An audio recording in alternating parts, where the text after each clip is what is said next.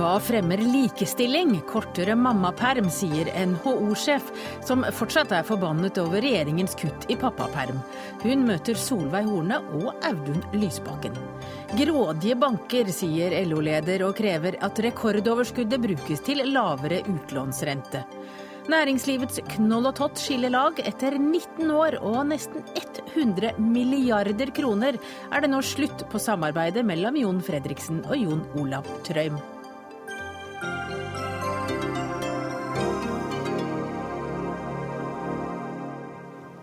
Velkommen til Dagsnytt 18 på en mandagskveld. I denne sendinga får vi også med oss siste nytt om Peter Hanke og Ibsenprisen, Afghanistans nye regjering og Espen Håvardsholms forfatterskap. Jeg heter Hege Holm, og først skal vi snakke likestilling. Foreldrepermisjonen bør bli kortere, det skriver NHO-direktør Kristin Skogen Lund i Aftenposten i dag. Hun reagerer på regjeringens forslag som skal gjøre det lettere å overføre fedrekvoten til mor. Og Kristin Skogen Lund, du er altså direktør i NHO. Du vil korte ned på permisjonstiden for foreldre, og så mener du at det fremmer likestilling mellom kjønnene. Dette er en sammenheng du må forklare. Ja, Det vi egentlig vil, er å bevare fedrekvoten. Vi har vært en eh, sterk eh, forkjemper av den, for vi ser at eh, den fremmer likestilling i arbeidslivet, som har vært veldig viktig for norsk nærings- og arbeidsliv, og også for norsk økonomi som sådan.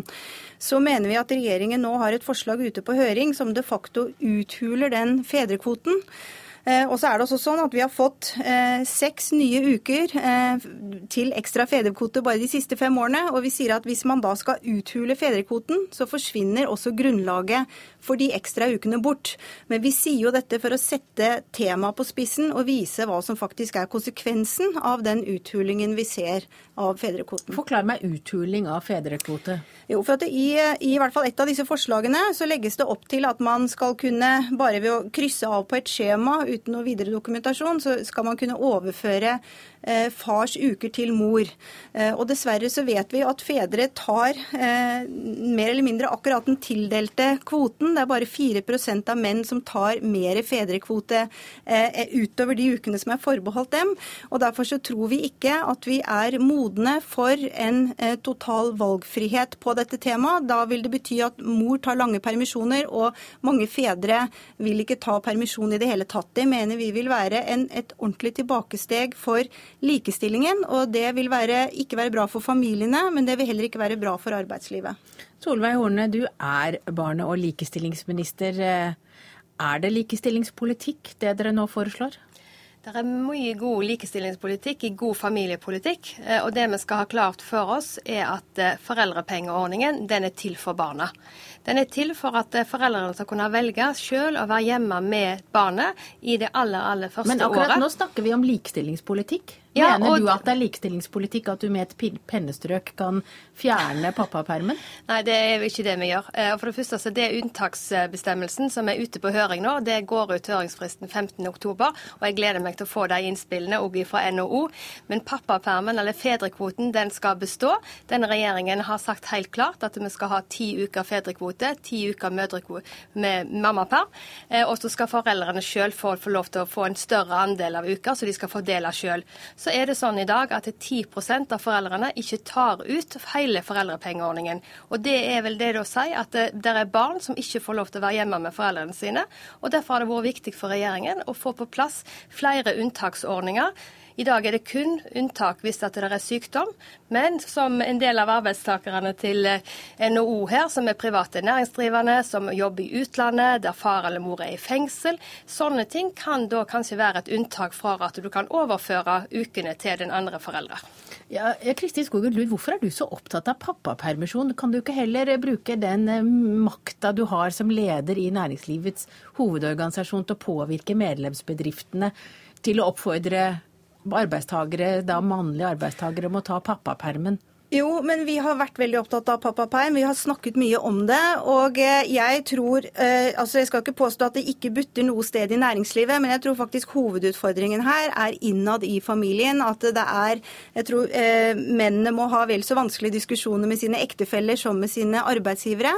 Så du og, tror det er mødrene som ikke vil gi slipp på permisjons... I stor grad så tror jeg det. Og jeg tror at vi trenger en fedrekvote for å hjelpe dette bedre i gang, og forhåpentligvis om noen år så vil vi være modne for å gjøre dette valgfritt. Vi er ikke der i dag, og derfor vil dette medføre et tilbakeslag for den likestillingen som vi er veldig avhengig av i arbeidslivet og også i norsk familiepolitikk. Så Som et ris bak speilet til regjeringen så foreslår jo dere da altså å fjerne den delen av permisjonstida som skulle gått til far. Ja, men det er fordi de siste fem årene så har denne fedrekvoten, foreldrekvoten totalt sett, blitt utvidet med seks uker fordi man skulle ha ekstra fedrekvote.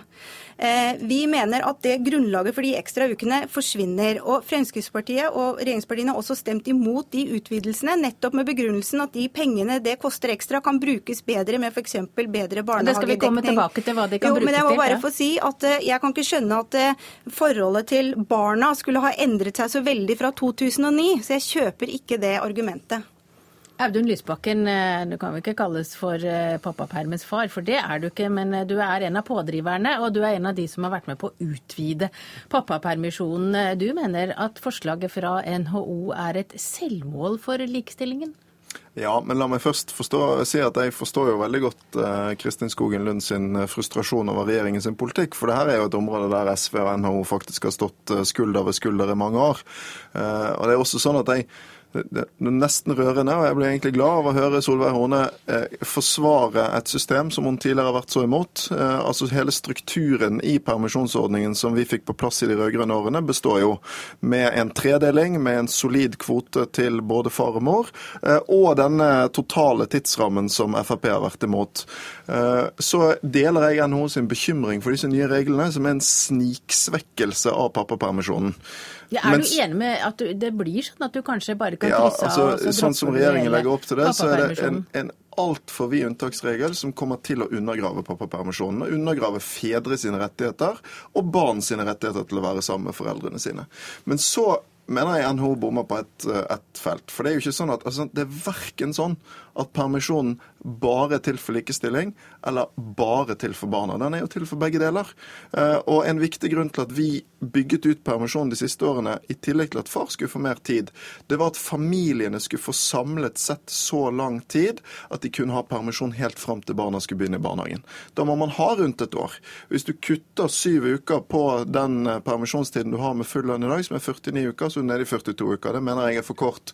Eh, så jeg syns at NHO gjør dette unødvendig komplisert at istedenfor å komme med forslag om å kutte i eh, permisjonen, så kan en jo heller støtte de av oss som vil skifte regjering, for da får vi pappapermen tilbake. Det er den enkleste måten å gjøre det på. Det er jeg ikke sikker på om Kristin Skogen Lund er interessert i. Nei, jeg tror ikke vi tar det tilbudet der.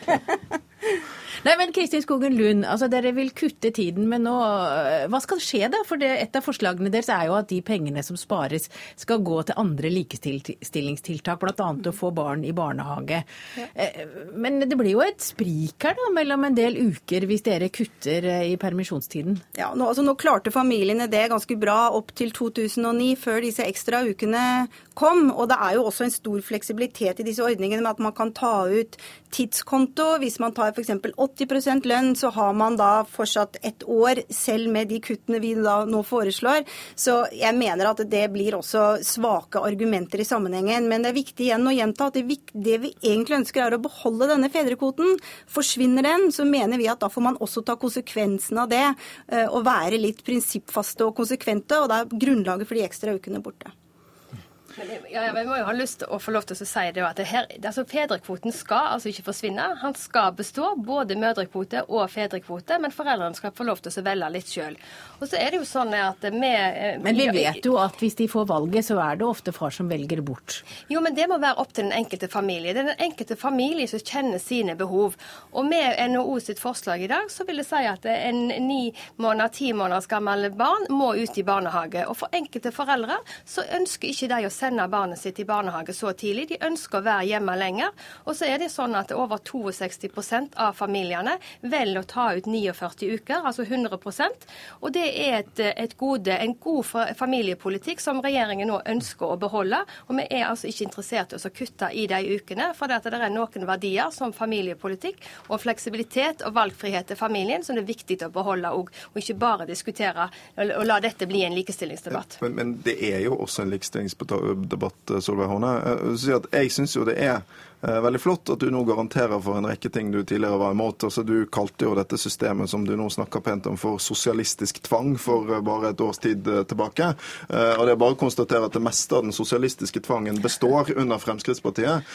Men det er jo ingen tvil om at de endringene dere gjør, kommer til å føre til eh, at mor er mer hjemme og far eh, er mer borte. Altså Sånn er det bare. Det ligger, eh, ligger i dagen.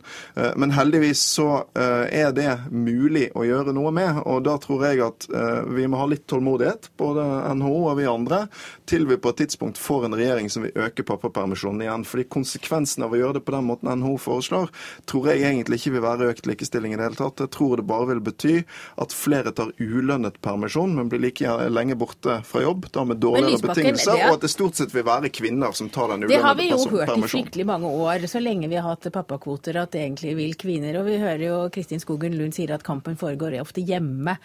Men er det et generasjonsskifte? At vi vil komme til en ny generasjon fedre som ser på det som selvsagt at de skal ta ut pappaperm? Jeg håper at vi skal kunne oppheve de kvotene en gang. At vi får et samfunn der det er helt unødvendig. Men fortsatt lever vi jo i et samfunn der de tradisjonelle kjønnsrollene styrer oss i ganske stor grad. Der det er andre forventninger til kvinner enn menn. Og jeg tror at det er sammensatt. Altså Det handler både om familiene og det handler om arbeidslivet.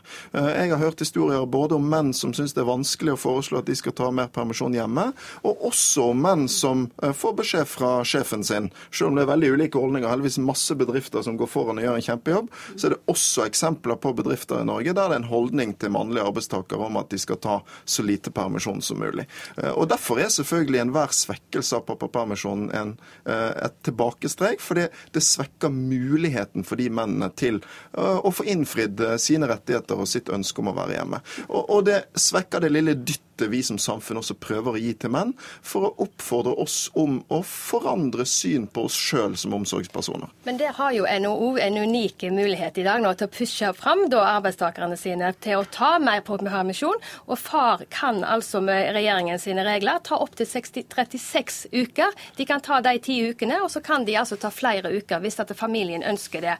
Og når, eh, det er én ting denne dagen har vist meg, det er det at eh, Audun Lysbakken og meg er enige om én ting, og det er at foreldrepengeordningen den er til for barna. Og hvis vi har det som utgangspunktet, så er jeg sikker på det at familiene klarer å fordele disse ukene på en god måte til det beste for seg sjøl og til det beste for barna. Men da må du fortelle meg hva som har endret seg med hensyn til barna fra 2009 til i dag. Ja, Vi ønsker med en regjeringsplattform og et samarbeid med de borgerlige partiene å satse på familien, og det at familien og foreldrepengeordningen skal bestå i den antall uker som vi har i dag. Det kan jo skje noe med folk når de havner i regjering, Kristin Skogen Lund. Men, men når jeg hører på deg, så er det jo nesten så jeg tror at kvinner som, som tar ut hele permisjonstida og da krangler med mannen sin eller av en eller annen grunn får alle ukene, sliter med å komme tilbake i arbeidslivet. Ja, nå er det veldig viktig å ikke tenke på dette som enkelteksempler, men tenke i, i summen. Og det vi ser ser, er at kvinner og menn er veldig likestilt i arbeidslivet frem til de får barn, og så skjer det noe. Da jobber kvinner mer deltid, tar mindre lederansvar, tjener ofte dårligere, har større fravær etc. Så har vi hatt en positiv utvikling de senere årene. Fordi vi, nettopp fordi vi har hatt innføringen av pappaperm, og dette er blitt mer likestilt. Vi ser mindre deltid, og vi får stadig flere kvinnelige ledere. Så vi er i en positiv utvikling. Og hele verden beundrer oss jo for dette her. Og så hva gjør vi? Jo, før vi er modne til til det, så gjør vi nå et grep som i hvert fall jeg og vi er veldig redde for at vil reversere denne positive utviklingen. Og det har vi rett og slett ikke råd til. Det er, ikke, det er ikke smart. Det er én ting som skjer, og det er at den familien får barn. Og når du da får barn, så endrer familiesituasjonen sitt på enkelte punkter. Og både kvinner og menn i dag har unik mulighet til å kunne kombinere familieliv og arbeidsliv. Og det med å ha en god foreldrepengeordning, slik at foreldrene kan være hjemme det første året med barna, er viktig. Ja, det setter seg mønstre som følger disse parene men, men, hele arbeidslivet. I, I hvert fall har Kristin Skogen Lund i dag klart å sette dette på dagsorden med det overraskende utspillet det var for mange å komme med i dag. Takk Takk til Kristin Skogen, Solveig Horne og Audun Lysbakken. Dagsnytt 18 alle hverdager klokka 18.00 på NRK P2 og NRK2.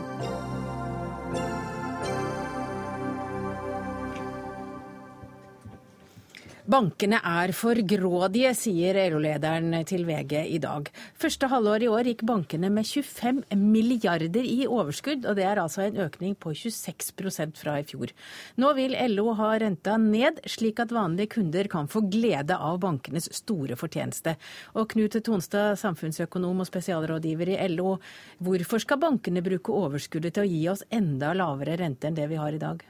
Jeg tror først at vi må se på det litt større bildet. og Det er at eh, bankene, i motsetning til, eh, til andre næringer, eh, ikke betaler moms i Norge. Og Det er jo noe av bakgrunnen til at lønningene i den bransjen er spesielt høye, og overskuddene er spesielt høye. Og Vi vet også at lønnsforskjellene i bransjen er veldig store.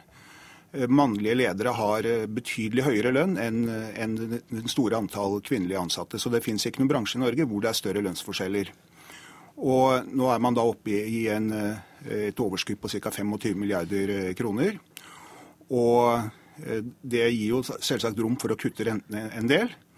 Og det bankene sier, er jo at regjeringen har pålagt dem å bygge opp reserver, altså kapitalkrav. Og de skal bygges opp gradvis. Og kravet 1.7 i år var på 10 og Norges Bank har jo sett nærmere på dette i sin siste pengepolitiske rapport. og Der sier de jo at dette går veldig bra.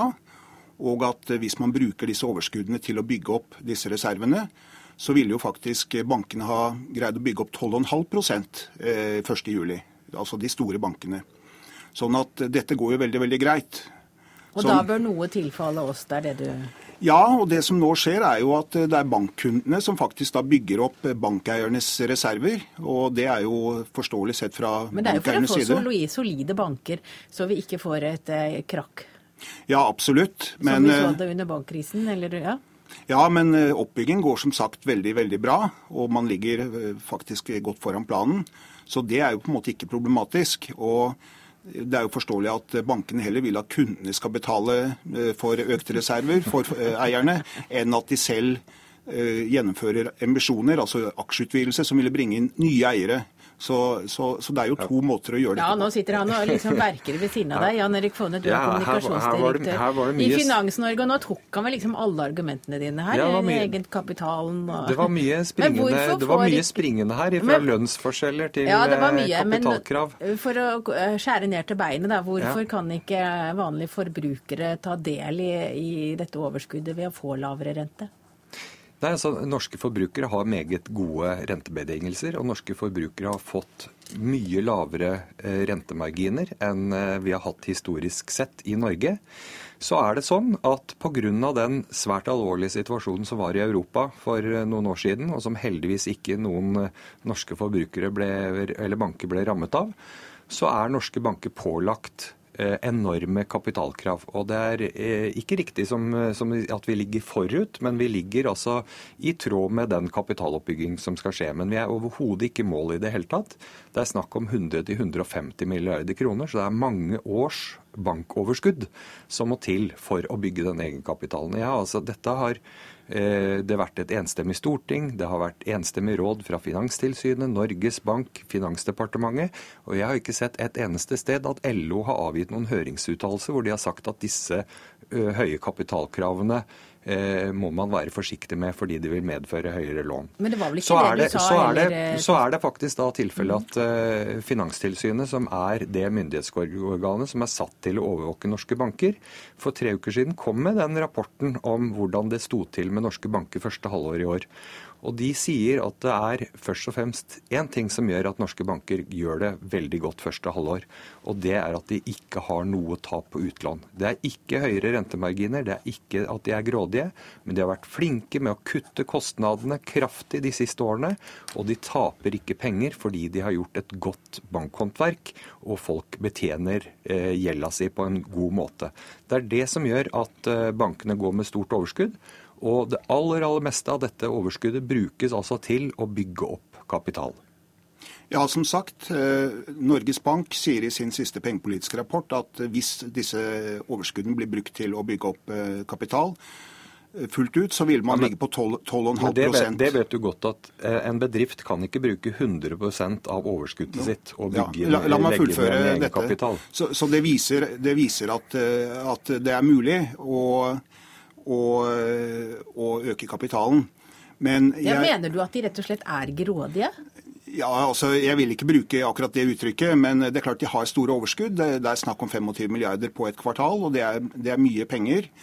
Og eh, det er klart at eh, alternativet til å, å ta, at det er bankkunden som fullt ut da finansierer den oppbyggingen av reserver, ville jo også være, og, som jeg nevnte tidligere, å gå inn for en emisjon, altså delvis mm. også bringe nye eiere. Så det er faktisk en mulighet. Men jeg vil gjerne si en ting til. Og det har altså skjedd? Ja. ja. Jeg, men jeg vil gjerne si en ting til, og det er det at nå har jo Pga. situasjonen i eurosonen så har jo sentralbanken i EU satt ned renten til 0,05% og Det har jo fått Norges Bank til å si at renten kommer til å ligge fast i Norge også flere år framover. Og Det gir på en måte en ekstra trygghet for at, for at bankenes innlånsrente vil holde seg lav og stabil over tid. Så dette gir jo også et ekstra rom for å uh, sette ned renta. Og til slutt når det gjelder dette med, med trygghet, så er det jo i siste instans uh, staten som, uh, som, står bak bankene og garanterer. Men vi har jo også fra LOs side ønsket at Eh, at man skulle styrke kjernekapitalen. For vi ønsker jo også større soliditet. Men, men i dag er jo Norges Bank styringsrente på 1,5, og i DNB og Nordea så er utlånsrenta sånn 3,6-3,7. Hvor lavt syns du den skulle komme? Ja, det er litt vanskelig å sitte her, fordi at boliglån er jo veldig veldig forskjellig, forskjellig, avhengig av sikkerhet og, og, og inntekt. Men hvis vi f.eks. Eh, skulle legge til grunn en, en reduksjon på et halvt prosentpoeng på et lån på en million, så er jo det 5000 kroner i året. Men, det, det, er jo ikke, det er, det er jo en, det er en forenklet fremstilling, for det er altså ikke styringsrente alene som er, inn, eh, som er innlånskostnaden til en bank. Men det vet de jo, har innskudds, de, har inn, de, betaler eh, rente til de som har uh, penger i banken, og de er ute i det internasjonale finansmarkedet også og låner penger. Og så koster det jo faktisk litt penger å drive en bank, og det må man jo også ta av Eh, ta av differansen mellom innskuddskostnad og utlånskostnad. Altså Man har eh, kontorbygg, lokaler, man har ansatte og den type ting. Men fondet ble jo skrudd opp da egenkapitalkravene kom. Da fikk vi jo brev om at nå ble det skrudd opp fordi at ja. man måtte tilfredsstille. Men ja, da vil ja, det er riktig. Det ble satt, satt, noe opp, men det fortsatt ligger på et historisk lavt nivå. Og nå det siste halvåret har jo mediene jevnt og trutt fortalt om at eh, bank, enkelte banker setter ned rentene igjen. Og, ja, og det, det, opplever jo, det, opplever jo, norske, norske, banker og vi, at det er en beintøff og hard konkurranse om bankkundene, og at eh, rentemarginene eh, er under press eh, hele tiden. Ja, og det er mitt spørsmål. Er det slik at hvis jeg vil ha lavere rente, så holder det ikke at dere to sitter og diskuterer her. Da må jeg rett og slett enten gjøre det eller true banken min med å skifte bank. Ja, og det, det er det veldig mange som, som, gjør. En tredjedel av norske bank boliglånskunder har de siste to årene enten reforhandlet boliglånet sitt eller gått til en annen bank. og eh, VG og Dagbladet og nettavisene er fulle av lånebarometere som opplyser om hvor man kan få billige lån, og hvor man har dyrere lån. og vi, Forbrukerrådet har Finansportalen, så det er fullt mulig å gå inn Eh, å undersøke og gå til banken sin og be om å få lavere rente. og Det gjør folk i veldig Kanskje stor grad. Kanskje rett og slett det er forbrukerne som må ta ansvar for å få lavere rente og si at det Ja, jeg, jeg, jeg, er jo delvis enig i at forbrukerne må, må, gjøre en innsats for å få lavere rente.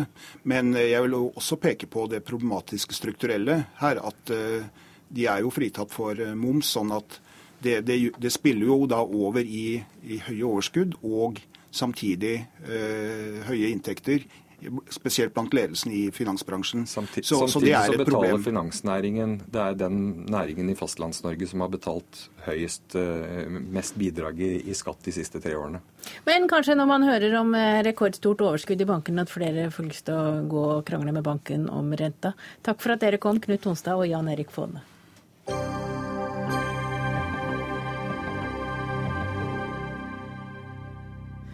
Årets tildeling av den internasjonale Ibsen-prisen har vakt debatt. Og mye skyldes vinneren, den østerrikske forfatteren Peter Hankes politiske synspunkt og hans vennskap med Slobodan Milosevic. I dag endte det med at prisvinneren selv sa fra seg store deler av prispengene på totalt 2,5 millioner kroner. Og Agnes Moxnes, du er kulturkommentator her i NRK. Og du har eh, vært i Skien i dag, du, og fulgt eh, seminar hvor bl.a. Peter Hanke har eh, snakket. Eh, hva sa han i sin takketale? Han eh, ble jo vel tatt imot i, i Skien. Var, han kom til sine egne, altså teaterfolket. Det var jo forfatteren og dramatikeren Peter Hanke som ble hyllet i Skien i dag. Men han var jo skarp selv om det var en tale hvor han hyllet Ibsen og Munch eh, og, og den, den norske, eh, sine norske forbilder, så å si. For han mente jo selv at han var en, en mann som Han var ikke klassen under Ibsen, et vis. Men han, han Det var lite Temaet var ikke hans forhold til Serbia og Bosnia. Eh, men han eh, nevnte i foredraget sitt, eller han sa til helvete med journalister og spesialister. Eh, enda flere, også dem som ikke snakker om, om Bosnia og, og, Serbia, men også de andre. Men grunnen til at han sa det, var nok at han differensierer mellom det språket en dikter bruker, og måten en, en, dikter formulerer seg på, uttrykker seg på, og måten vi journalister og spesialistene gjør det på. Ja, At vi tar dem på ordet, og det likte han ikke. Nei, ja. Men han ga fra seg pengepremien, eller store deler av den. Hvorfor det? Det ble han ikke spurt om eh, i dag. Eh, det ble vel kjent i forrige uke at han skulle gjøre det. Han fikk jo en eh, Heinrich Heine-pris i Tyskland i 2006, tror jeg det var. Da ble det, var debatten voldsomt stor, eh, enda mye krassere enn det vi har sett i Norge den siste tiden. Og det endte jo med at han både ga fra seg prisen og, og pengesummen. Nå gir han, så vidt jeg skjønner, ikke fra seg prisen, men pengesummen går til et, eh, et fransiskanerkloster i Kroatia. Ehm, og det som ikke brukes der til å bygge Jeg tror det skal bygges et svømmebasseng og sånt for eh, fattige og for barn. Så skal resten av prispengene gå tilbake til den norske stat. Hva er det med denne mannen som provoserer så mange? Det er nok det at han har gått inn i en europeisk eller en, en konflikt i Europa som tar med seg alt som er av eh, etniske og religiøse motsetninger og politiske motsetninger i altså da visualisert og synliggjort gjennom krigen i Balkan på begynnelsen av 90-tallet. Og det han gjorde samtidig med at serberne ble anklaget for å, å, stå bak et uh, folkemord, så gikk han inn og, og valgte å se denne konflikten gjennom det serbiske blikket og skrev historier eh, om det. Eh, og så gikk han jo også da i, i, begravelsen, i bisettelsen etter Milosevic, og holdt en tale til han, sånn at det er nok disse Altså, han er blitt så Det han har sagt og det han har gjort, er, har ført til at han er blitt et for mange blitt et symbol på denne sterke og ekstreme konflikten i dette området. Og En av de mange det er deg, din Kadri Begovic. Du var med på å organisere en demonstrasjon i går utenfor Nationaltheatret. Hvorfor protesterte dere mot tildelingen? Um, vi viste i går at uh, vi ikke um, anerkjenner at uh, en, um, en mann som har hyllet krigsforbrytere, skal motta en, en slik heder fra, fra, den norske staten. Det var det det var uttrykk for i går. Og det var, jeg er veldig glad for at så mange møtte opp på en regnværsdag. Det er ikke dårlig bare det. Vi, jeg er også glad for at vi har beholdt roen, og, og, at det gikk fredelig for seg. Selv om Hanke har prøvd å, å, å prøvd å irritere og, og Ja, hvordan da? Nei, altså jeg sto nærmest han da han, kom, da han skulle komme inn mot, mot den røde løperen sammen med Boje Hansen. Og da ropte jeg til han på tysk gi prisen tilbake. For jeg tenkte på at han hadde tidligere gjort det med Heinrich Heine-prisen i Tyskland.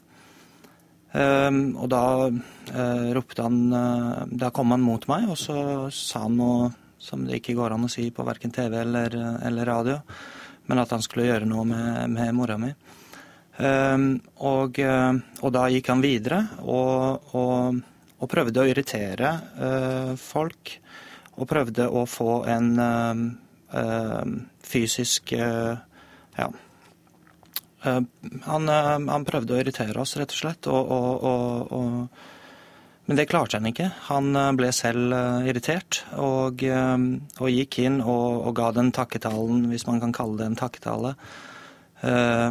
tydelig berørt. Og det var, da var målet vårt i hvert fall oppnådd for denne gang. Men, men, Hanke får jo altså prisen for forfatterskapet sitt, for dramatikken han har skrevet. Går det ikke an å skille mellom forfatterskapet og de politiske synspunktene hans? Um, det er alltid vanskelig å, å, å argumentere for at, at, man skal At politikere skal blande seg inn i, i, i denne pristildelingen sånn, Men jeg mener at det er hele personen uh, som man skal se på. Det mener tydeligvis juryen også, for det har de sagt. Uh, at de har tatt dette i betraktning, men at det ikke diskvalifiserer Hanke fra å motta prisen. Det er jeg dypt uenig i. Jeg, uh, jeg mener at det absolutt diskvalifiserer han. og hvis ikke dette diskvalifiserer noen fra å motta en pris, så lurer jeg på hva det, hva det er som gjør det. Hva er det for deg personlig som gjør at du, du, går, du setter sammen et, eller er med på å organisere et demonstrasjonstog mot en prisvinner? Personlig så har jeg ingenting å vinne på, på dette her. Jeg, jeg, bor i Norge, øh, og jeg gjør dette på vegne av de som ikke kan være der øh, selv, og de som ikke øh, kan møte opp selv, og det er ofrene og deres etterlatte, som jeg egentlig snakker for. Fordi det er um, det er én ting å, å, uh, dele ut uh, teaterpriser og se på teaterstykker, men når det berører såpass mange mennesker uh, i, en, um, i en krig, og, og hvor det er såpass mange så, liv som har gått tapt, over 40 000 voldtekter osv., så, videre, så er det vanskelig for noen øh, vanskelig for folk å skjønne hvorfor en, en, mann som hedrer Og det er ikke riktig, sånn som det ble sagt, at øh, han øh, så øh, han ser uh, ting det, med det serbiske blikket. Det er ikke det serbiske blikket, det er det ultranasjonalistiske serbiske blikket. Og Det er en stor forskjell der, for det er veldig mange serbere som har slåss mot Milosevic, og som den dag i dag slåss mot ultranasjonalister. Og man skal ikke sette dem i samme bås uh, sammen med ultranasjonalister og si at han, han representerer noe serbisk syn. Det gjør han absolutt ikke. Tom Egil Verven, du er litteraturkritiker i Klassekampen. Du, eh, du har skrevet eh, i Klassekampen at Hanke fortjener Ibsenprisen tross all støyen rundt den. Hvorfor det? Det er jo pga. kvaliteten i det han har skrevet. Jeg var i går og så Immer noch som nå går om noen få minutter på Nationaltheatret i kveld også. Og det er en et teaterstykke som går tilbake til Hankes barndom. Han er altså født midt i den forrige store krigen i Europa, i 1942. Og han drar sporene fra den krigen framover i etterkrigstiden og inn i sitt eget liv. Og jeg har stor respekt for at eh, Edin Kadribegovic og andre står mye nærmere denne konflikten enn jeg gjør. Eh, men jeg har altså forsøkt å lese eh, Hankes tekster, også de som dreier seg om konflikten i Eh, Bosnia-Hercegovina særlig. Og jeg kan ikke se at han i sine litterære tekster uttrykker seg på en måte som diskvalifiserer ham fra å få denne prisen. Men du skriver jo at juryen fortjener kritikk i, i den tildelingen de har gjort. Ja, og det er fordi de har vært fraværende i store deler av debatten, og at det ikke på et tidligere tidspunkt gikk inn i den debatten som vi har nå, og som kom rett eh, opp mot pristildelingen. Eh, de burde rett og slett innsett at eh, i Norge så har vi ikke blitt ferdig med denne saken. Og her er det mange mennesker som er rammet av den type ytringer som, som Hanke kommer med. Vi skulle gjerne hatt med juryen i dag, men de hadde ikke anledning til å være med. Men, men Verven, det at det da skaper så mye debatt, for dette er jo en eh, krig som ikke Det er ikke lenge siden, og ennå så foregår det et oppgjør om, eh, om historien om eh, krigen på Balkan. Er det ikke da litt farlig å gi en så stor pris som dette er til en mann som åpenbart er en deltaker i debatten? Jo, men eh, det kan også være en ansporing til å lese Hankes verk, mener jeg. Hvor eh, man vil se at det finnes eh, mange andre dimensjoner. Altså hans ytringer, også de provoserende uttalelsene han kom med i går, støtter ikke jeg heller. Og jeg syns ja, det er, det er, merkelig at han uttaler seg på den måten som han gjorde. Men går du inn i verket hans, så finnes det der en helt annen verden og en, en helt annen mulighet til å bli kjent med ikke bare det som han er blitt beskyldt for, en slags sånn jugonostalgi, altså en, en, slags hjemlengsel tilbake til det landet som moren hans eh, stammer fra, altså Slovenia. Eh, men du finner også drømmer om det som man nå lar prisen gå til, nemlig drømmer om hvordan små barn skal kunne leve, eh, bade i et basseng, spise pizza på en restaurant ved siden av.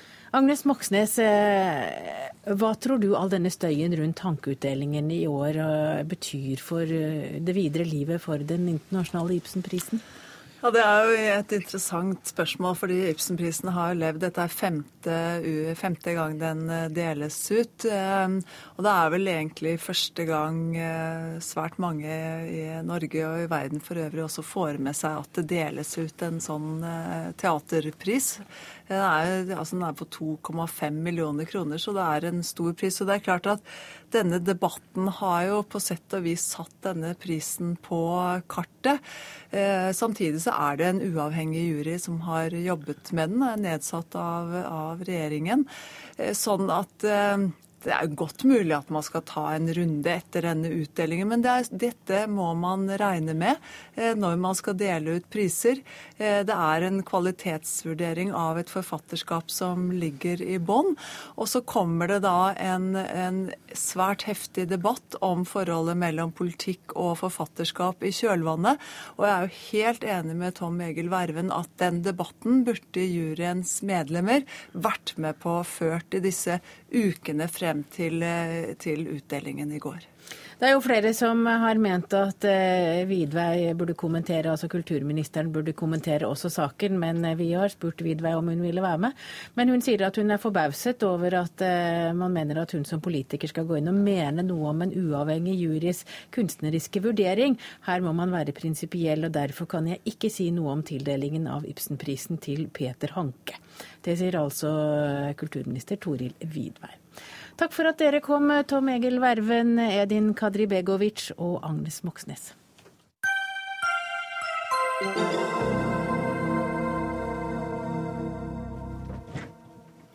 Etter tre måneder med politisk uro i Afghanistan ble det i går klart at det blir Ashraf Ghani som blir president. Både han og motstanderen Abdullah Abdullah hevdet at de vant valget i juni. Men for å komme fram til en løsning, så har USA og FN bedt de to om å dele makten. I går undertegnet de avtalen, og Ghani han blir president, mens Abdullah Abdullah får utnevne regjeringssjef. og Det betyr vel i prinsippet en statsminister. Og Christian Berg Harpviken, du er direktør ved Instituttet for fredsforskning, PRIO. Du kaller avtalen en katastrofe for demokratiet i Afghanistan. Hva mener du med det? Nei, altså For det første så får vi jo stoppe opp eh, et lite sekund og glede over oss at disse to herrene klarte å bli enige. fordi at eh, hvis ikke så kunne det gått veldig mye verre veldig fort. Men eh, det er riktig at jeg har sagt at det er en katastrofe for demokratiet i Afghanistan. Og med det mener jeg at etter 13 år med ganske konsekvente demokratiske prosesser, så ser vi nå altså at man eh, setter Grunnloven til side i et valg som har vært preget av så mye så omfattende fusk at man til og med blir enige om ikke engang å presentere valgresultatet, selv etter at FN har gjennomført det de kaller den grundigste gjenopptellingen av stemmer i hele sin historie. Så det er klart at for den vanlige afghaner som eh, kanskje setter seg på eselet for å ta en dagsreise, stiller seg i en kø der man vet at faren for å bli skutt eh, er reell, satser så mye på å avgi stemmene, så er det ganske tungt å se at uh, dette er et spill i den grad. Ja, Et spill for hva da? Nei, altså Til sjuende og sist så blir eh, utkommet av valget et rent forhandlingsspørsmål. og det hjelper jo ikke akkurat. På mange måter er det kanskje å strø salt i såret når det er den amerikanske utenriksministeren som da flyr inn og ganske elegant parkerer Grunnloven for å fremforhandle en løsning som da skal tillate Vesten, som nå har stått i 13 år i Afghanistan, å trekke seg ut. Ikke sant? Dette er spissformuleringene, men sånn ser det veldig fort ut for mange. Og Yesha Wolasmal, du er fagrådgiver i Tankesmien Agenda. Du har afghanske røtter. Du har også vært soldat i Afghanistan, og du har jobbet ved den norske ambassaden i Kabul. Hvordan reagerer folk på at en president nå har kommet på plass, men på denne måten? Jeg tenker at uh, afghanere først og fremst er veldig lettet. Som Kristian også var inne på, så var jo faren for uh, voldelige opptøyer og borgerkrig reell. Uh, først og fremst er de lettet, men samtidig så er det jo stor bekymring knyttet til hvordan denne avtalen faktisk vil implementeres. jeg tror at det vil være store utfordringer knyttet til utnevnelser. der har de jo blitt enige om at de viktigste posisjonene skal begge være enige om, både presidenten og eh, statsministeren. Så, og, og, det kan jo fort bli en eh, veldig rotete prosess. Men jeg har lest i dag at ingen av de så veldig helhjerta ut når de fortalte om resultatet av dragkampen. Ja, er det skjørt? Ja, det kan man jo si. Det er jo skjørt på mange måter. Eh, det er jo slik at Kristian eh, var jo inne på dette med at man ikke, eh, man ikke engang offentliggjorde tallene. Og det sier jo litt om situasjonen. Ja, hvorfor det? Nei, altså Man frykter jo at disse tallene vil på en måte, vil på en måte underminere en av kandidatene. Og det kan jo på sin side også føre til opptøyer, ikke sånn uenigheter. Eh, men jeg tror også at eh, jeg må være litt uenig med Kristian når han da sier at eh, afghanere mister litt sånn troen på prosessen når det har tatt så lang tid og at dette tyder på å være et politisk spill. Da må jeg jo si at det er jo ikke sånn at man har hentet fram to tilfeldige kandidater. Det var jo to kandidater som, eh, som var ledende presidentkandidater, og en av dem hadde jo et flertall. Hvordan tror du det vil gå, Harpviken? Nei, jeg håper jo at disse to klarer å forhandle fram en regjering som faktisk klarer å lede Afghanistan videre. Eh, men eh, det er all mulig grunn til å frykte hva som skal komme ut av disse regjeringsforhandlingene. Det er klart at eh, som vi så veldig godt på seremonien i presidentpalasset i går, så er ikke dette disse to verdens beste venner. Det har de aldri vært. Det har vært store personlige konflikter mellom Ashraf Ghani og Abdullah Abdullah eh, lenge. Og siste, de siste månedenes dragkamp har jo selvfølgelig ikke akkurat eh, eh, hjulpet. Og vi skal jo huske at i bakgrunnen her, og Aisha var jo inne på det, så har det faktisk vært truet fra flere av Abdullahs støttespillere særlig, med ikke bare å etablere en skyggeregjering, men å ty til våpen for å for å protestere mot et eventuelt regime ledet av Ashraf Ghani. Så, så, krigen har jo egentlig truet i bakgrunnen her. Nå er Afghanistan allerede inne i en krig mellom sentralregjeringen i Kabul og Taliban. Men eh, spøkelset her er jo at regjeringen også går i oppløsning sammen med sine sikkerhetsstyrker, og at det som i dag er en tofrontskrig, kan bli en eh, flerfrontskrig. Det er et verstefallsscenario, men ingen kan tillate seg sånn situasjonen er nå, å helt utelukke det scenarioet. Hvor er det blitt av Karzai? Nei, Karzai står jo fortsatt på scenen, og det var jo han som ledet seremonien eh, også i går, mens de utenlandske representantene glimret med sitt fravær etter Karzais eh, ønske. Han kjører jo en afghansk profil på dette her, og det er vel på mange måter eh bra. Eh, mange er spent på hva Karzai vil gjøre etter valget. Han har eh, bygd seg en ny residens veldig nær muren til presidentpalasset. Eh, om han blir boende der eller ikke, er fortsatt litt uklart, men at han håper at han skal få en slags rolle som en eh, symbolsk eh, nasjonens far-figur, det er vel mye som tyder på. Ayesha Mulasmal, hva tror folk nå? Nå har de fått, Det har vært et valg, nå er det blitt, nå har man blitt enige. Er det optimisme? Det er kanskje litt for tidlig å si. Som jeg var inne på i stad, så tror jeg folk er lett lettet over at man har klart å komme til en enighet nå på kort sikt. Og Det skyldes jo også eh, nedgang i eh, investeringer i Afghanistan. Kapitalflyten ut av Afghanistan har jo vært bemerkelsesverdig de siste månedene. Folk har jo fryktet politisk ustabilitet. Eh, det jeg tror bekymrer afghanere flest, er sikkerhetssituasjonen, for den er jo svært prekær. Det har vært en blodig sommer med harde kamper. Og jeg tror veldig mange også er opptatt av omfanget eller hvordan eh, det internasjonale samfunnet vil forholde seg til Afghanistan etter 2014. Og Der kommer jeg også inn på det poenget med eh, den bilaterale sikkerhetsavtalen. Nå som man har kommet til en enighet internt i Afghanistan, så eh, går man også mot en signering av avtalen med USA. Og den har jo veldig mange afghanere vært altså har, Mange afghanere har vært opptatt av at denne avtalen skal signeres. Og symptomatisk nok, eh, jeg kjenner på meg at det er lenge siden vi snakket om Afghanistan i Dagsnytt 18. Så, er, eh, så oppmerksomheten eh, den har blitt atskillig mindre.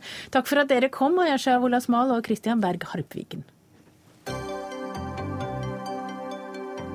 Hør Dagsnytt 18 når du vil. Radio NRK Radio.nrk.no.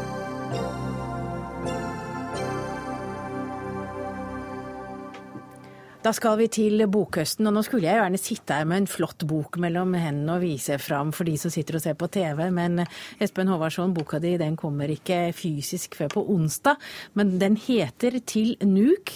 Og eh, den handler om Espen H., en eh, godt voksen mann som egentlig skal bruke sommeren sin på å oppsøke magiske steder med barndomskameraten, men allerede på toget til København innhenter ja, vel, man kan si mørkere sider av fortiden av. Espen Håvardsholm, velkommen. velkommen. Er dette en selvbiografi? Ja, altså Har du en kamerat i København? Nei, egentlig ikke. Altså, jeg, jeg, ble spurt om det på forlaget, og, og, og ja, altså, det er en sånn eh, Det er sånn som Albert Aaberg. Det er en skybert du har i København. Så det er det nok eh, på en måte. Men, eh, men det portrettet av han Klaus i København bygger jo på en måte på andre venner jeg har hatt, da. Jeg bodde i København i to perioder i livet, og det er på 40-tallet, da jeg var ganske liten, førskolealderen da moren min studerte medisin der nede. Og eh, så på ny på 70-tallet, en sommer eh, som ung student. da. Men hvorfor Grønland til Nuuk? Det er jo Grønland, og du skriver også om grønlandshval. Ja, det lurer jeg jo på, men det skal jeg spørre om seinere. Det er noe med sangen deres? Ja, sangen deres er fantastisk. Det hørte jeg her på radio på ja. P2 ja, en morgen. Kan du høre Grønlandshvalen sang eh, på FM-båndet? Ja, altså, jeg, jeg kan jo, jeg snakka med Øystein Wiik, som var den som snakka i radio den gangen. Som er professor på Zoologisk museum på, nede på Tøyen. Så, så, han lærte meg enda mer om dette her. Men, men jeg ble så fascinert bare av det jeg hørte en, en formiddag på Ekko. Altså at de, de trodde, Forskerne trodde at Grønlandshvalen var helt utrydda eh, på 60-tallet. Men så har de oppdaget at det er en bitte liten befolkning som har greid å overleve innunder isen. Og så har de satt opp lyttestasjoner i Framstredet mellom eh, Grønland og Svalbard. Og der hører de dem synge. Og de synger altså ikke bare i brunstperioden, men de synger hele vinteren igjennom der oppe i mørket. Så de holder seg på en måte i live ved å synge, da. Men når du skal skrive om eh, denne Espen Haas eh, mørkere sider i livet, så drar du til Grønland? ja, Nei, altså, det er jo noen av oss som er liksom da oppe i de nordlige landene som føler kanskje en tiltrekning mot uh, isen og det nordiske og alt dette her. Så det, det er et motiv i boka. Og et annet motiv er jo dette her at da jeg bodde i København, både den gangen på 40-tallet og på 70-tallet, så gjorde det gjorde veldig inntrykk på meg skjebnen til mange av de inuittene som bodde i København. Hvor mange av dem som gikk til grunne. Uh, og Moren min som var ung student, hun snakket alltid så fint om eskimoene, som det het den gangen, og deres kultur som hun var så imponert over. og sånt noe. Så dette med Grønland og eskimoene og inuittene har alltid vært et sånn fascinasjonspunkt i mitt liv. da. Så Da jeg fikk ideen om at jeg ville skrive denne romanen, så hadde jeg et nordisk reisestipend som egentlig skulle være til Sverige og Danmark, men som jeg brukte å reise til Grønland isteden. Og det var veldig eventyrlig. Det var i fjor sommer. Du skriver ikke at eh, boka handler ikke minst om hvor krevende det er å møte seg selv i ærlighet. Eh, er det mange som går med mørke hemmeligheter gjennom hele livet, og når de liksom kommer opp i årene, så tør de å møte seg selv i det du kaller ærlighet? Ja, i hvert fall mannfolk, holdt jeg på å si. Men eh, jeg tror nok kvinner har sine ting, de også. Nei, du vet, altså, Det er vel noe med den nordiske mannsrollen som er egentlig ganske stengt og lukket. Og det er liksom sånn, ja, Både i den du leser de norrøne sagaene, eller hvis du liksom, ja, vikingtida, eller hva det måtte være, norsk litteratur også, så er det ganske mange stengte menn. Og, og, jeg har jo hele mitt liv egentlig vært oppdratt som en annen type mann, en åpnere mann, men jeg har nok mine mørke sider, altså. Så, så, ja, så det er et motiv i, i boka. Og da er det greit å legge det til litt langt borte, da, til Grønland, ja, litt Nuuk si. og litt eh, triste inuitter i Københavns gater? Ja, det kan du si. at Det er, det er, er knytta til også, ja, altså både vår kultur og møte med en annen kultur, altså som samene i Oslo eller, eller inuittene i København. ja. Du har altså et forfatterskap. Det er så langt at det fyller over en A4-side bare med titler. Og du har oversatt til fransk, dansk, tysk, russisk, svensk. Når du nå kommer med en ny roman, du, du går i ditt 70. år, får du prestasjonsangst, eller tenker du bare at dette er gøy? Jeg får prestasjonsangst i forhold til det at det skal bli 70 neste år. Det har jeg grudd veldig for, for det høres så innmari gammelt ut. Og jeg, og jeg har ikke lyst til å bli gammel, så, jeg, så, så, det, så, det, er også et motiv i denne romanen. da, at En mann som innser at han ikke er ung lenger, men gjerne fortsetter å være ung. ikke sant? Men det å gi ut bøker, det er greit? Det, ja, det er jeg. Altså, jeg er like forventningsfull hver gang. Jeg, altså, er, jeg er som et barn der at hver gang jeg er ferdig med en ny bok, så tenker jeg denne gangen! Får vi se, da. ja, denne gangen er det den nye store samtidsromanen jeg har skrevet? Ja, litt sånn. Altså, Jeg så Hanne Ørstavik. Hun, hun, løp ut i skogen og skrek at det er en stor roman! Og det er vel altså Det var veldig modig gjort av, av henne å innrømme, men det er jo litt sånn vi forfattere føler. altså Når vi holder på med en bok, så føler vi at vi prøver å gi alt. Og så får vi se hvordan det blir tatt imot. Og det har du gjort nå, til NUK? Jeg syns på en måte det. Ja. Takk Espen Håvardsson for at du kom til Dagsnytt 18. Takk.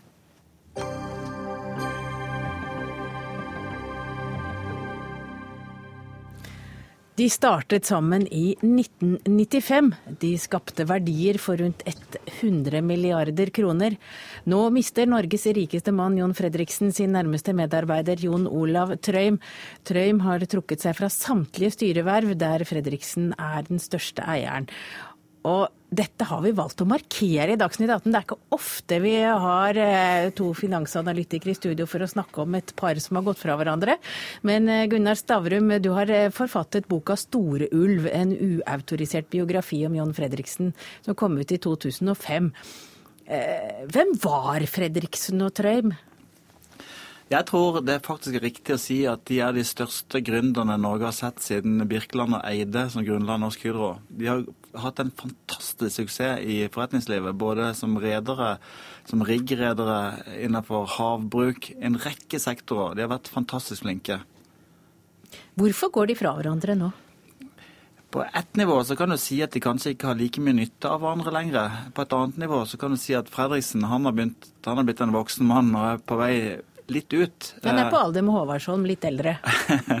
ja, men han har nok gjort det aller meste av sitt i, i næringslivet. det, det, det, står klar for et gener generasjonsskifte i Fredriksen-slekten. Han har jo to døtre som er i ferd med å ta over. Mens Trøim han er jo mye yngre, han er jo nesten småbarnsfar, så han er jo på vei opp. og Lenge så har det handlet om at, eh, om at, eh, han skulle få ut noe penger for den verdiskapingen han har vært med på. Og da han fikk pengene, så valgte han å gå sin egen vei. Terje Erikstad, du er utgavesjef for Dagens Næringsliv. Eh, Fredriksen han begrunner bruddet med at Trøim var for spekulativ. Det høres jo litt rart ut da, etter så mange år og så mange milliarder? Ja, og også fordi Jon Fredriksen er jo kjent for å ta stor risiko. Eh, noen ganger så bommer han, men de fleste gangene, eller mange ganger, har han truffet. Eh, han har turt å handle, turt å investere, satse når andre ikke har turt. Så det virker litt rart at Fredriksen, som jo faktisk satt i styret i det selskapet som han har trukket seg fra, som Trøim satser på, som heter Golar, han satt i styret og var med på dette prosjektet som han nå kaller spekulativt. Eh, og det virker litt rart at han plutselig er blitt redd for litt risiko. Men i sommer skulle de jo samarbeide, og Trøim bare trakk seg litt ut og ville gjøre andre ting. Men nå er det liksom helt slutt. Ja, og, og eh, jeg tror nok at eh, det har vært jeg, et komplisert forhold over en, over en tid. Men de har hatt, vært gjensidige, eller avhengige av hverandre. Eh, men når eh, Trøim fikk med seg tidenes sluttpakke, verdier for 1,6 milliarder kroner, så fikk han en, sin egen base, sin egen posisjon. Og når da hans tidligere partner velger å dumpe alle aksjer i det selskapet han satser på, så er det et klart signal både til Trøim og til andre investorer om at man stoler ikke, nå stoler ikke Jon Fredriksen på Trøims strategi lenger. Og Det, har nok, det sjokkerte nok både investorer og for så vidt eh, Trøim også. Og eh, i den verden der så er det pengene som rår. Det er ikke det man sier, men det man gjør med pengene sine som teller. Eh, og når Trøim opplever at Fredriksen dumper han, så gidder ikke Fred, eh, Trøim å bruke verdifull tid på Fredriksens selskaper og Fredriksens investeringer. Nå er han, nå er han on his own, eh, så da, får, da skiller man lag. Men, det er ikke noe sentimentalitet selv etter 19 års eh, samarbeid. Men Stavrum, det kan jo virke som det er noe dramatisk som har skjedd her? Ja, det er klart det er dramatisk. Det har jo vært sånn at ingen av de gjorde det veldig godt alene. Før uh, Fredriksen traff Trøim, så var han en klassisk tankreder. Han var veldig rik når tankmarkedet var bra, og så var han veldig fattig når tankmarkedet var dårlig. Og så drev han med store spekulasjoner i valuta og gull med veldig dårlig resultat. Trøim eh, gjorde heller ikke så veldig godt alene. Han var en normal eh, finansmann som ikke skapte seg noen formue. Men til sammen ble det dynamikk fordi at Fredriksen han har evnen til å agere raskt. Han tør å ta sjanser. Eh, men Trøim lærte han det at skal du bli ordentlig rik, så må du ikke bare investere dine egne penger, du må også investere andres penger. Gå til børsen. For å få troverdighet der må du være langsiktig, ærlig, transparent, forutsigbar. Så Trøim lærte Fredriksen disiplin, og det har begge to tjent veldig mye på. Eh, men etter 19 år så er det jo ikke så rart at de går fra hverandre. Det er nesten enda rarere at de faktisk holdt til, holdt sammen. Det er jo ikke så lenge siden han uttalte Fredriksen, at de fungerte nok bedre enn de fleste ekteskap som hadde vart i nesten to tiår. Det er nok riktig, og vi må huske på at de, de har nesten vært sammen døgnet rundt i disse 19 årene. Om ikke fysisk, så i hvert fall psykisk, og på telefon døgnet rundt. og Det har vært et ganske tett ekteskap. Ja, og det, det, de har hatt en helt spesiell forretningsmodell. De to har nærmest alene si, hatt makten i en haug med selskaper. Det er vel 18 selskaper som nå utgjør på en måte Fredriksens formue. da. Alle er jo ikke like store, men de har da typisk gått inn, tatt kontroll. Ikke eid hele selskapet, men sånn nok til å kunne bestemme gjort oppkjøp, eh, hentet inn penger, gjort investeringer. Altså, de har holdt på, de har hatt en utrolig arbeidskapasitet. Det er egentlig helt vanvittig hva, hva det lille teamet rundt de to har fått til. Altså de to og teamet rundt. Men de var ikke så voldsomt før de traff hverandre. Og hva skjer nå når de går fra hverandre? Hvem er det som vinner på det? Nei, altså, det er klart at Fredriksen han har 100 milliarder kroner Ja, i formue. han han klarer seg fint, og nå har han jo faktisk en fjerdedel eller en tredjedel av det omtrent er i kontanter. Det er ikke noe risiko. Altså, han, han er 70 år. Han eh, tenker eh, at døtrene skal overta. Eh, Trøim han er jo nå på den alderen hvor, hvor som Fredriksen var da de begynte å samarbeide. Og han har opplevd hvor rik du kan bli fra, fra du er 51 til du er 70. Så det er det han skal bli? Han tenker nok at nå skal han gjenta den suksessen. Eh, som, Vil investorene følge Trøim? Ja, vi har sett allerede, altså siden de skilte lag eh, første gang, så har jo, har jo kursen på aksjene til Fredriksens selskaper falt med 6 milliarder. Så jeg tror finansmarkedet kommer til å gå med Trøim. Takk til Gunnar Stavrum og Terje Erikstad. Denne sendinga fra Dagsnytt 18 er over. Ansvarlig var Andrea Kvamme Hagen. Det tekniske hadde Frode Torsheiv ansvaret for. Jeg heter Ege Holm, og vi høres igjen i morgen.